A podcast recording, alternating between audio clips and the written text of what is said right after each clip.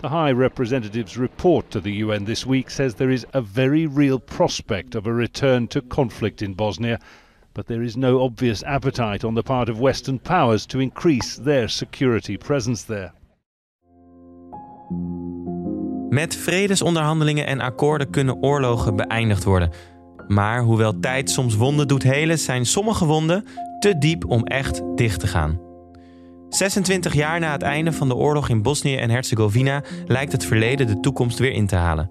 En met steeds hardere retoriek van de Bosnisch-Servische president Dodik over afscheiding van het Servische deel van Bosnië is een herstart van conflicten aan de Europese grens akelig dichtbij. Opnieuw staat de internationale gemeenschap voor een moeilijke keuze: ingrijpen of afwachten.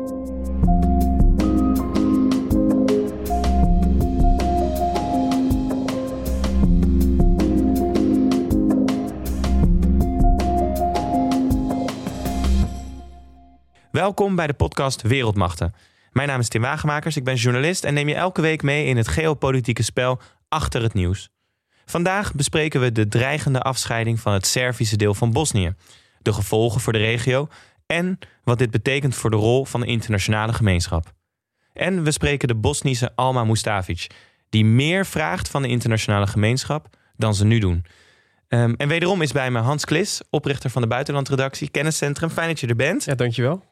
Fijn om te zijn. Ik vond deze week, om eerlijk te zijn, een moeilijke aflevering. Ja. Het is een, we, we gaan het hebben over um, Bosnië-Herzegovina, de, de angst voor afscheiding, wat dat doet met de regio. Ja. Maar er speelt zoveel dat om daar simpele lijnen uit te trekken voelt bijna een beetje geforceerd. Ja. Want wij gaan wel even in een kwartier uitleggen hoe het daar zit. Had jij dat ook? Ja, ja, het is zo'n ingewikkeld, ja, historisch ingewikkeld uh, conflict geweest. Uh, die hele oorlogen die daar hebben plaatsgevonden. Zo'n duidelijke Nederlandse link heeft dit verhaal ook natuurlijk. Met ja, de val van uh, de enclave Srebrenica, waar Nederlandse VN-soldaten eigenlijk moesten toezien hoe er genocide werd gepleegd. 8000 mannen en jong, jonge mannen werden daar vermoord. Ja, een hele moeilijke, ingewikkelde, serieuze geschiedenis. Gewoon waar, waar we het nu over gaan hebben. Ja, en tegelijkertijd is het ook.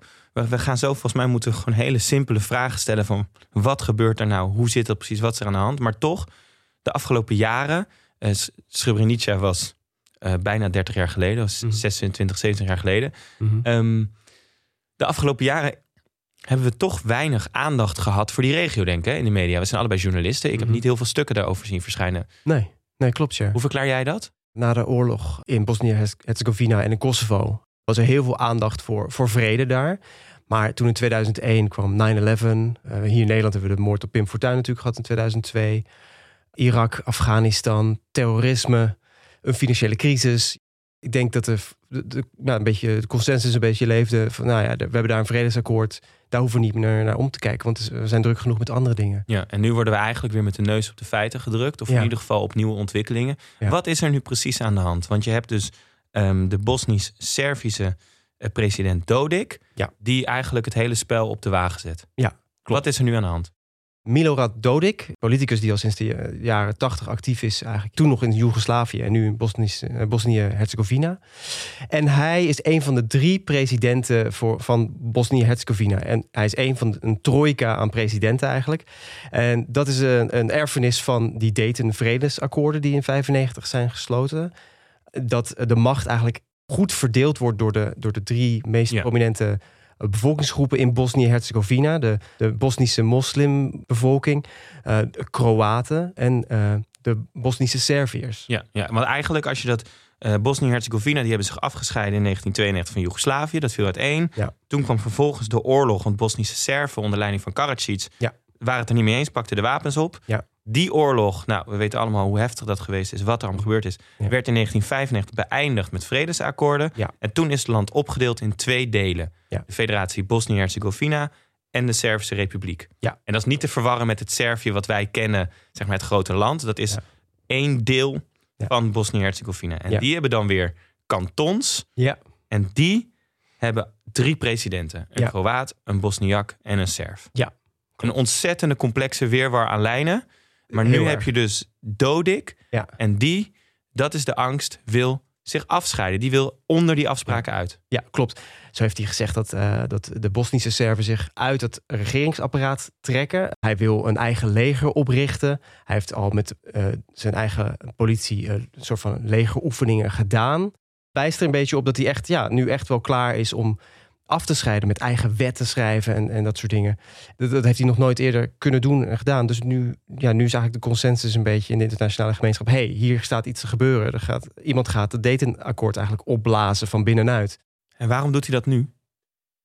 Ja, dat is een goede vraag. Ik, uh, er zijn meerdere uh, meningen daarover. Hij moet binnenkort weer verkozen worden. Hij wordt beschuldigd van corruptie. En als hij weer tot president verkozen zou worden, dus een beetje door, door al die ophef een beetje te veroorzaken, dan, dan, ja, dan wordt hij niet vervolgd.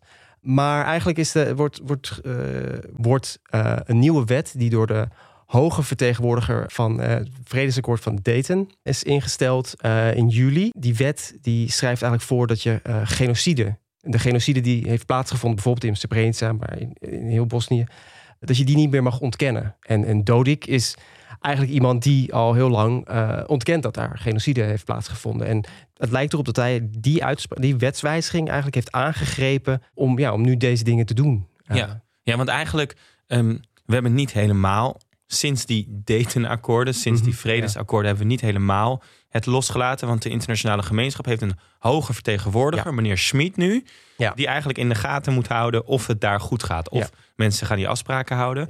Van daaruit is dus die wet gekomen, of in ieder geval dat, dat voorstel dat je genocide niet mag ontkennen. Ja. Dodik doet dat wel. Heeft dat met meerdere uitspraken gedaan. Ja. En dat is ook een trigger voor hem om te zeggen van... oké, we moeten ons terugtrekken uit die instituties. Ja. Want ik herken dit niet. Ja, precies. precies ja. en, uh, en die hoge vertegenwoordiger die eigenlijk ook uh, wetten mag, mag schrijven voor heel Bosnië-Herzegovina. Doet hij, dit was volgens mij voor het eerst in tien jaar dat hij dat deed. Die heeft ook een, een, een soort van vredesmacht, de EUFOR van Europa.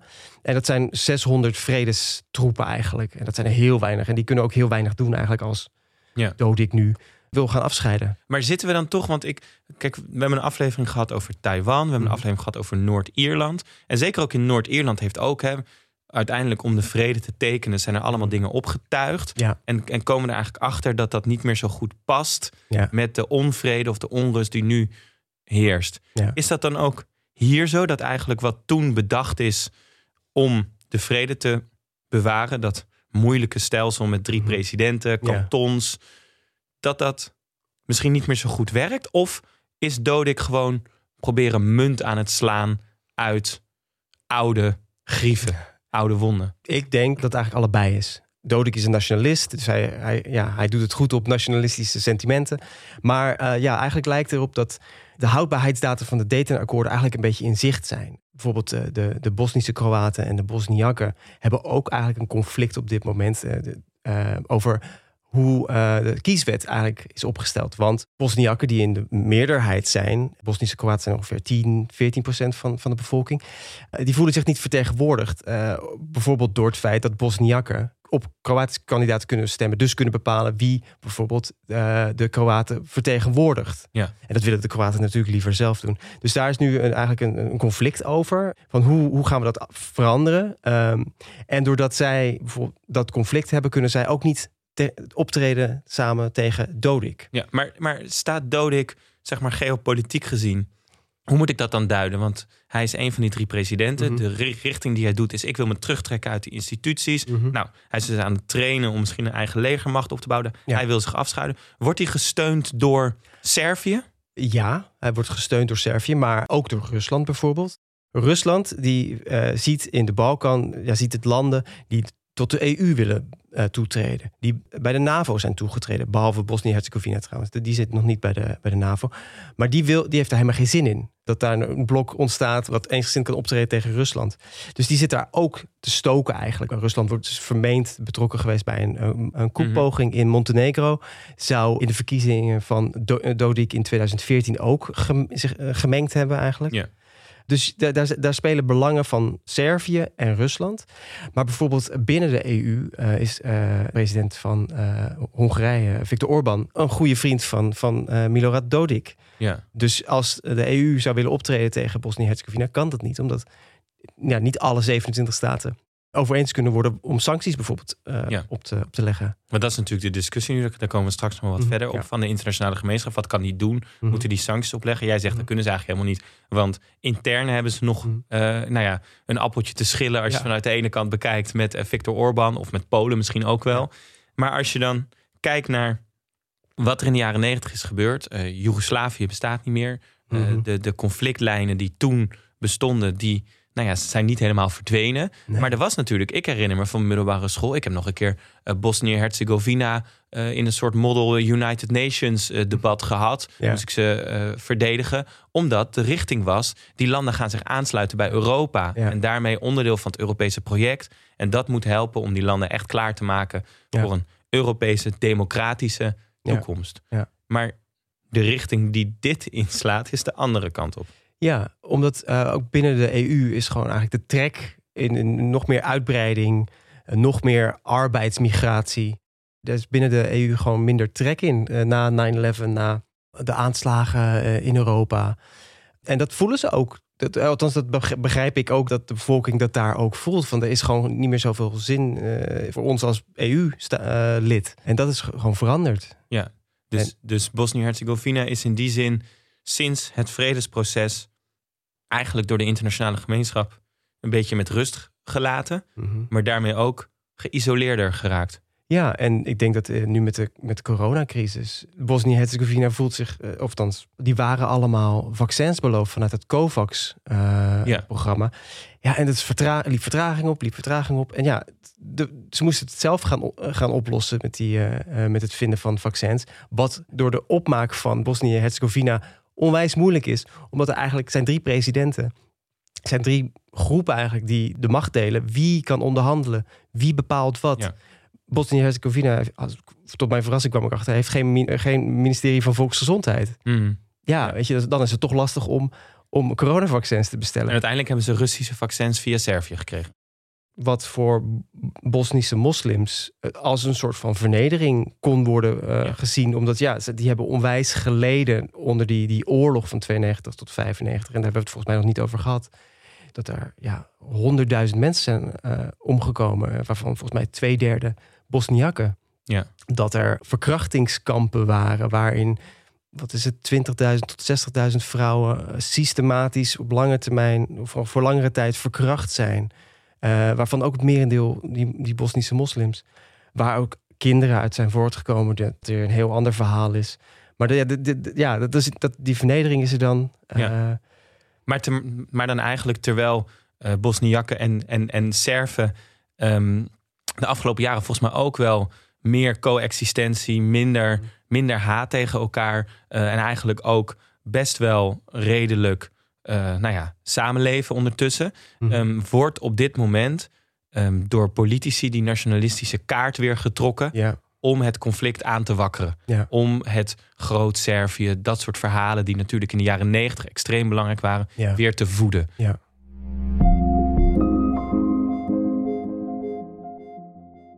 We praten erover door met Alma Mustafic. Zij is docent en onderzoeker aan de Hogeschool van Utrecht en daarnaast uh, Srebrenica-overlevende. Um, Alma, fijn dat je er bent en dat je met ons wilde praten. Um, ja, dankjewel. Jij speelt in de voorstelling Gevaarlijke Namen, waarin je met uh, Dutchbed-veteraan Raymond Braat eigenlijk de vraag onderzoekt hoe de wereld Srebrenica heeft kunnen laten gebeuren. Hè? Kun jij heel kort vertellen waarom jij in die voorstelling uh, wilde spelen, waarom jij dat, dit nu doet? Ja, um, ik heb Srebrenica overleefd. Uh, heel veel van mijn familieleden niet. En uh, ik heb daar heel lang last van gehad. En uh, gedurende de jaren dat ik in Nederland woonachtig ben, ben ik erachter gekomen dat mensen daar eigenlijk vrijwel niks over weten. Ik wil heel graag dat het een onderdeel van onze collectief geheugen mhm. wordt, als het ware. Het zit ook niet voor niks in kanon van Nederlandse geschiedenis. Ik heb het niet bedacht. Hè.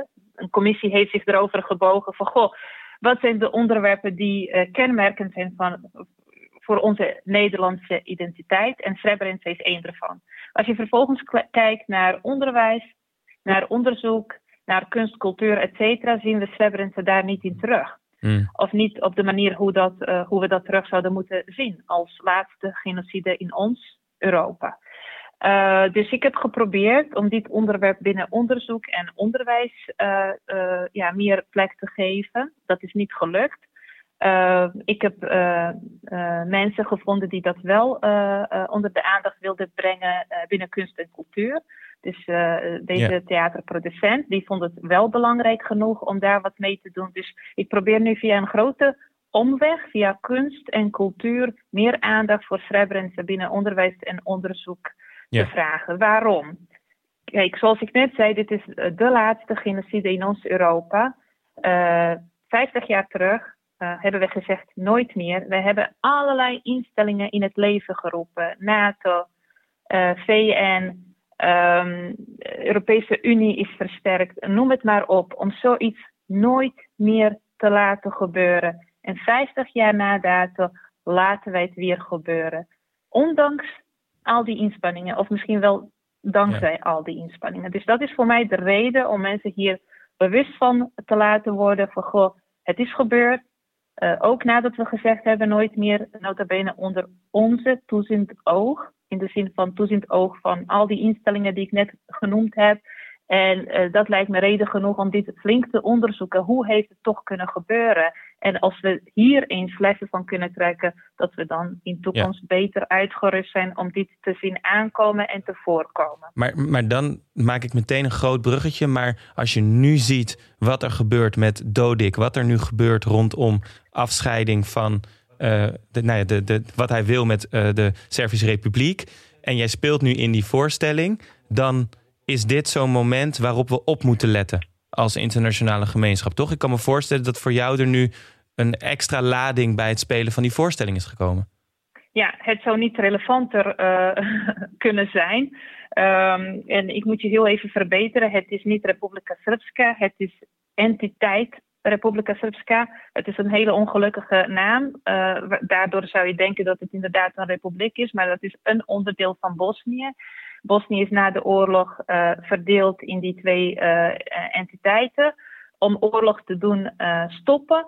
Um, en, en in dat gedeelte van Republika Srpska zijn de Serviërs in meerderheid, dankzij de etnische zuiveringen, et cetera. En wat Dodik nu wil, is eigenlijk dat stukje wat toenertijd middels geweld en oorlog veroverd is, om dat nu, uh, nou ja, inderdaad een onafhankelijke uh, republiek te laten zijn. Nou, dat is hartstikke in strijd met Dayton. Het is in strijd met rechtsstaat van, van Bosnië.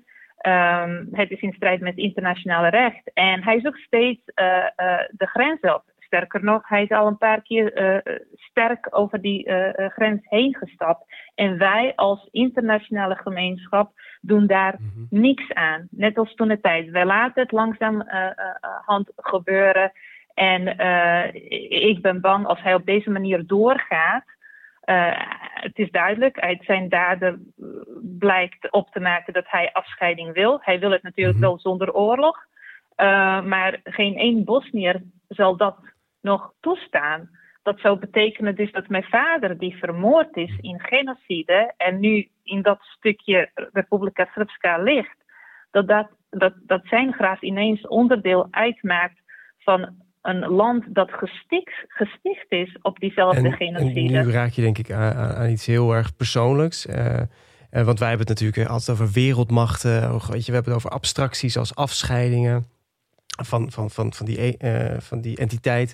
Maar wat, wat, betekenen deze, wat betekenen deze acties van Dodik in zijn retoriek eigenlijk voor de mensen die nu in Bosnië-Herzegovina uh, leven? Wat, hoe raakt het hen? Hoe, hoe ervaren zij dat? Kan je daar iets over vertellen? Um, kijk, die retoriek is precies hetzelfde als uh, tijdens het Milosevic-regime, Karadzic en Mladic, dus de politieke en militaire top van zogenaamde Republika Srpska toen de tijd. Uh, hij herhaalt het, uh, dus het is echt populistisch. mensen worden tegenover elkaar opgezet, ultranationalistisch, het raakt gewoon de fascistische kant aan. Um, en dat, dat, dat brengt gewoon hele gevaar. En ook uh, soevereiniteit van Bosnië-Herzegovina uh, zwaar in gevaar. Uh, dus mensen zijn vooral Bosniaks die teruggekeerd zijn naar, naar die gebieden die etnisch mhm. gezuiverd waren. Die zijn extreem bang. ze vrezen een nieuw conflict, een nieuw oorlog. Sommigen hebben hun spullen al ingepakt en zijn weggegaan. Um, omdat, ja, kijk, die, die vrouwen zijn teruggekeerd over het algemeen, want mannen zijn vermoord. En jullie kunnen je ook voorstellen dat zij zich zonder al die mannen toch ook een stuk minder veilig voelen. En als zij zoveel angst om zich heen voelen, dat ze uh, toch kijken van, goh, heb ik een familielid of, of kinderen in dat, mhm. dat andere stukje van Bosnië in federatie wonen. En dan ga ik even daar naartoe tot dat ja. niet overwaait. Maar dat dachten wij in 92 ook. En we weten wat gevolgen daarvan zijn. Ik maak me ernstige zorgen over de situatie daar. Ja, ja. Voel zich enorm... Ja? Nee, ja, ik wil vragen, want hoe, moet ik het duiden? Want vaak lees ik, tenminste, of in media krijg je natuurlijk het beeld dat het over Serven tegen Bosniërs zou gaan. Hè? Alsof dat de aard van het conflict is. Volgens mij zeg jij dat is onzin. Ja. Kun, kun jij ons duiden is, uh, waar het wel in zit? Hoe je het wel moet zien? Ja. Hier gaat het om ultranationalistische gedachtegang. en Dodik vertegenwoordigt zeker niet alle Serven. En ik zou heel graag ervoor willen pleiten dat we gesprekspartner zoeken in mensen die uh, niet antidemocratisch zijn. En dat is Dodik wel. Er zijn genoeg Serven die uh, democratisch willen meedenken, die, die binnen de grenzen van Bosnië en Herzegovina op zoek willen gaan naar de beste oplossingen van alle burgers van dat land. En dat is zeker niet Dodik. Dus zolang wij Dodik als een serieuze gesprekspartner gaan zien, terwijl hij talloze strafbare feiten begaan heeft, uh, dan steunen wij alleen maar de onderdrukker. Dan steunen wij een nationalist en steunen wij niet burgerbevolking van heel Bosnië, ongeacht tot welke bevolkingsgroep zij behoren. En, en, nu dit heb gezegd, is dit, dit, lijkt mij iets eh, wat, wat de internationale gemeenschap dus moet doen. Maar wat zou de internationale gemeenschap, uh, de internationale gemeenschap nog meer kunnen doen nu in, deze ja, in deze broeiende ja, situatie? Nee, kijk, uh, sancties om te beginnen, die zouden kunnen komen. Maar ik zou heel graag willen pleiten voor sancties niet tegen het Servische volk, maar hmm. tegen Dodik. Uh, want als wij sancties nemen tegen het Servische volk, of dat gedeelte van uh, entiteit, dan zullen zij zich nog meer versterkt voelen in die gevoelens die hij ze wil aanpraten. Zie je wel, de hele wereld is tegen ons en iedereen heeft een pokkenhekel aan de Serven, wat niet waar is. Um, dus ik zou graag willen pleiten voor hmm. sancties tegen Dodik. Maar we hadden al lang moeten ingrijpen. Want zoals ik net zei, Dodik heeft talloze strafbare feiten begaan die in strijd zijn met Dayton. En meerdere grootmachten, zoals Frankrijk, uh, Amerika, uh, uh, Verenigd Koninkrijk, Duitsland, Rusland, hebben die hmm. Dayton getekend. En zij hebben getekend voor de vrede. Hij schendt en ondermijnt die Dayton keer op keer en wij doen niks. Dus wij moeten sterker optreden in de zin om, om te laten zien van goh, je komt niet aan die Dayton. Wij gaan niet tornen aan de grenzen van Bosnië en Herzegovina. Um, dus hij had, wat mij betreft, opgepakt moeten worden op het moment dat hij onwettige referendum uh, heeft laten plaatsvinden, die dus uh, uh, ja, soevereiniteit van Bosnië in gevaar heeft gebracht. Hij had opgepakt kunnen worden toen hij uh, de, de, Bosnische wetten overroelde met, uh, met, met de wetten van entiteit Republika Srpska. Moet je eens voorstellen, stel je voor dat Brabant ineens wetten aanneemt die de wetten, grondwet van Nederland ondermijnen. Dat kan toch niet? Dat is ook in strijd met, met Dayton. Toen hadden wij ook mhm. kunnen ingrijpen en hem strafrechtelijk kunnen vervolgen. Uh, vervolgens gaat hij met de Servische uh, politie oefeningen doen met de politie uit Uh, of nou ja, laat ik het goed zeggen, politie uit tijd van Republika Srpska gezamenlijke oefeningen doen met politie en leger van buurtland Servië. En wij laten dat gebeuren. Dat is ook wederom in strijd met Dayton. Dus daarmee laten wij zien, wij geven er niet om. Wij zijn niet bereid om die Dayton te beschermen, kost het wat, ja, kosten wat het kost. Maar, maar, ja, maar mag ik hem heel even afmaken? Want we zitten nu, kijk, uh, in, in Bosnië met UVOR-troepen. Uh, dat is iets als 600, 700 man. Uh, wij weten dat het onvoldoende is om dat land te beschermen als het tot een conflict komt. En hoe Dodik nu bezig is, weten we één, één ding zeker: een conflict gaat er komen. Tijdens Dayton is afgesproken dat er bepaalde veiligheidstroepen in de rest van Europa aanwezig zouden zijn. In geval dat het daar fout gaat, dat ze heel snel kunnen schakelen en in Europa aanwezig zijn. Um, die troepen, die veiligheidstroepen, dat was verantwoordelijkheid van het mhm. Verenigd Koninkrijk.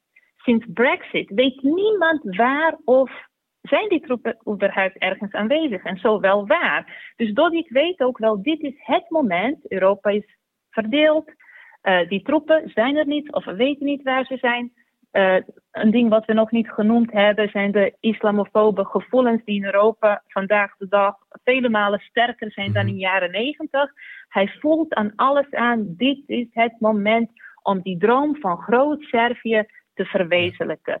Stapsgewijs eerst dus dit gedeelte onafhankelijk laten maken en vervolgens dat verenigen met moederland Servië. Ja, misschien tot slot dan, want als ik jou hoor, we moeten het goed analyseren en dan zie je eigenlijk is het een, is het een conflict met antidemocratische krachten in Europa die zich voeden op nationalistisch sentiment, waar alles in zit. Islamofobie, vreemdelingenhaat, dat komt allemaal daarin samen. En als we dan teruggaan naar het begin van het gesprek, dan lopen we het risico dat we als internationale gemeenschap weer niet proactief daarin stappen willen zetten uit angst om het verkeerde te doen, eh, om, om, omdat we niet weten wat we moeten doen. Wat is het belangrijkste wat we hier moeten vertellen, zodat we wel de goede stappen kunnen nemen? Um, ik denk uh, als we niks doen, dat de oorlog onvermijdelijk is. Ik hoop dat ik het bij verkeerde eind heb. Dus wat we moeten doen in ieder geval is met grote machtsvertoon daar aanwezig zijn. Uh, wij denken altijd met praten dingen op te lossen. Maar dit soort nationalisten, we hebben het gezien toen de tijd met het Milosevic-regime, die spreken alleen de taal van grof geweld. Dus we moeten daar in eerste instantie met EUFOR, met hele grote macht, machtsvertoon aanwezig zijn om te laten zien van, goh, als jij nog een stap neemt die antidemocratisch is, dan komen wij in actie. Maar het is wel lastig, want als we kijken bijvoorbeeld, Dodik is niet dom, hij zoekt ook aansluiting met uh, Janus uh, uh, van Slovenië. Uh, met, met Viktor Obrand van Hongarije. Uh, recent is die ook bij Erdogan geweest. Nou, en laten we eerlijk zijn, dat zijn allemaal jongens die niet echt heel erg democratisch uh, bezig zijn. Dus soort zoekt soort. En als wij niet oppassen, dan daar ben ik bang dat de situatie in Balkan zich verder over de rest van Europa gaan, kan verspreiden. En dat wij achteraf weer zeggen van goh, wij zagen het niet aankomen. Op het moment dat een hele grote vluchtelingenstroom van die kant uh, deze kant op komt. Ja, en... Dankjewel, Alma. Ik, ik, ik denk, ik, ik, als ik één positief ding kan noemen dan uit jouw voorstelling, dan is het dat je eigenlijk dus zei dat via kunst en cultuur het lukt om mensen te laten vertellen wat wij kunnen leren uit de geschiedenis. Ik hoop dan ook dat veel mensen nog naar, naar jullie voorstelling komen of er iets van meekrijgen, omdat we dus ook soms achterom moeten kijken om te snappen wat we nu moeten doen. En dat we dat een onderdeel van onze collectieve geschiedenis moeten maken. Wat er is gebeurd in de jaren negentig om nu de juiste dingen te kunnen doen. Veel dank. Dank dat je ons dat wilde vertellen, Alma. Ja, hartstikke bedankt. Uh, dank voor nu. Ja, dank jullie wel ook.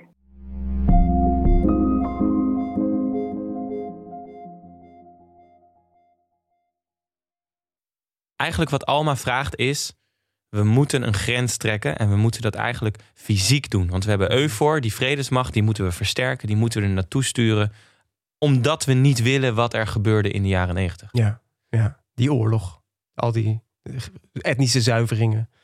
Ja, en ik snap die angst ontzettend goed. Uh, als je die lijnen trekt, dan zie je ook dat het dat dingen kunnen opeens, of niet opeens, maar voor de rest van de wereld mm. ogenschijnlijk opeens exploderen, terwijl die al langer gaande zijn. Dus je wil niet te laat zijn. Maar zie je tegelijkertijd de EU, uh, Europa dat doen?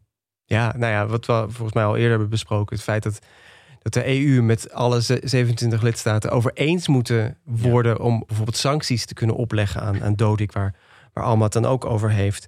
Ja, dat is heel lastig. Het moet prioriteit krijgen als het, om wat eh, te laten gebeuren. Ik denk dat de grote les van Dayton, van de Dayton-akkoorden eigenlijk was, was dat het eerst onwijs uit de hand moet lopen aan de grens van Europa, voordat er ook echt daadwerkelijk ingegrepen wordt. Ja, en, en, en, maar is er nog een andere reden die we misschien nog niet genoemd hebben waarom we dan nu dat argument moeten maken? Of in ieder geval waarom Alma zou vinden dat het argument gemaakt moet worden, dat we die nieuwe oorlog die potentieel gebeurt. Zij zegt Bosnië, Bosniakken zullen nooit accepteren Mhm. dat de entiteit Republika Srpska zich afscheidt. Mhm. Waarom is een nieuwe oorlog dan zo gevaarlijk? Eén reden die, er nog niet, die ik nog niet eh, genoemd heb waarom het zo gevaarlijk zou kunnen zijn, is eh, als, je, als je kijkt naar de afgelopen twintig jaar, naar eh, terrorisme hier in Europa. Dat is gevoed door wapensmokkel eigenlijk, van wapens uit die Joegoslavië-oorlog. De, de zogeheten Balkanroute heet dat.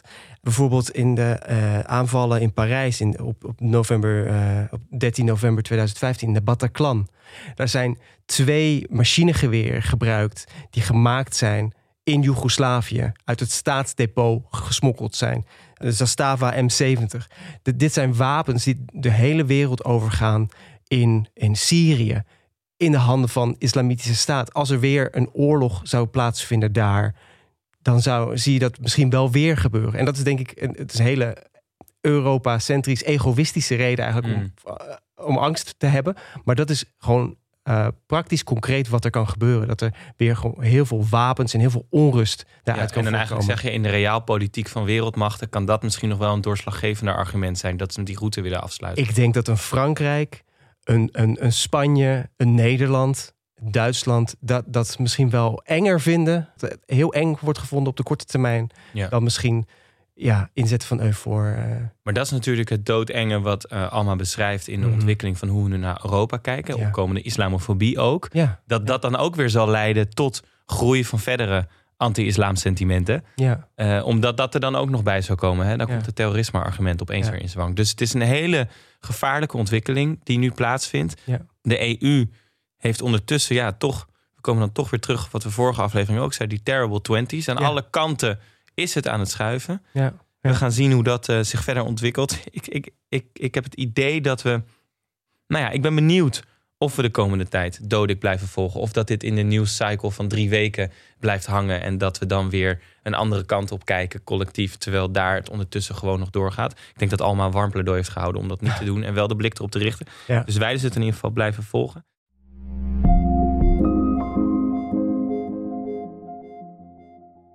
Als we hem afsluiten en we, en we kijken naar ehm, jouw geopolitieke leestip van deze week. Ah. Even een eh, heel, eh, heel hard bruggetje dit. Eh, maar we blijven wel een klein beetje in de regio volgens mij. ja. Wat heb je meegenomen? Ja, ja, jij bent volgens mij een groot fan van eh, Anne Applebaum, de, de journalist en historica. Ja, zij, op dit moment is, broeit het ook weer in Oekraïne. Daar staan Russische, Russische tanks aan de grens. En Anne Applebaum heeft een tijd geleden het boek Red Famine eh, geschreven. Dat is een eh, historische blik over, eh, op hoe in de jaren 30 Stalin, de Sovjet-Unie, een, een gigantische hongersnood eigenlijk ge- gefabriceerd heeft in Oekraïne. Wat, ja, waar miljoenen mensen aan zijn overleden. En wat nog natuurlijk heel erg ja, voedt wat er nu speelt in Oekraïne en Rusland. Ja. En dat is een belangrijke tip volgens mij. Ja, sowieso is het altijd heerlijk om te lezen. Tegelijkertijd dat ze ook deze week had, of heerlijk om te lezen. Ze schrijft ontzettend goed. Ja. Maar wel over loeizware onderwerpen. Eh, maar deze week stond ook een stuk in de Atlantic. Er kwam ook veel kritiek op trouwens. Dat is een leuk discussiestuk. Maar dat sluit wel aan bij het gesprek wat we ook hadden met Alma over Ja. hoe eigenlijk al die autoritaire leiders en krachten, vooral mannen weer natuurlijk, zo groot eh, kunnen worden en wat onze rol erin is. Er kwam ook veel kritiek op. Dus interessant om te lezen. Ehm, En ik weet niet of, of het mag, maar dus, ik heb nog een podcast tip voor iedereen die, die meer wil weten over Srebrenica. Daar heb je de, val van Srebrenica van correspondent Marjolein Koster. Eh, die duikt helemaal in wat daar nou eigenlijk gebeurd is. En kijkt ook van alle kanten naar, dat, eh, naar die, ja, dan die eh, etnische zuivering. Ik denk dat dat nog een hele goede is als mensen geïnteresseerd zijn om, om meer te weten over dit onderwerp. Ja, en dan nog even heel kort. Dan de voorstelling heet dus Gevaarlijke Namen, waar Alma in speelt. En hebben we dat ook gehad. En als allerlaatste wilde ik zeggen, want ik vergeet het altijd elk jaar. Maar als je die podcast, onze podcast luistert, kan je dit jaar niet vergeten. ITVA is bijna. Ja. En je mag natuurlijk helemaal niks met coronamaatregelen, maar je mag wel naar de bios.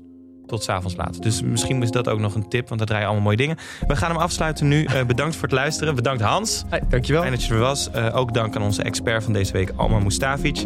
Dit is een podcast van Dag en Nacht Media. Productie door Esther Krammerdam, redactie door Meerte van Munster. Montage door Jeroen Sturing, eindredactie door Anne Janssens. De muziek is van Studio Cloak en je vindt ons op vriendvandeshow.nl slash wereldmachten en op Twitter op onze account Wereldmachten. Tot volgende week.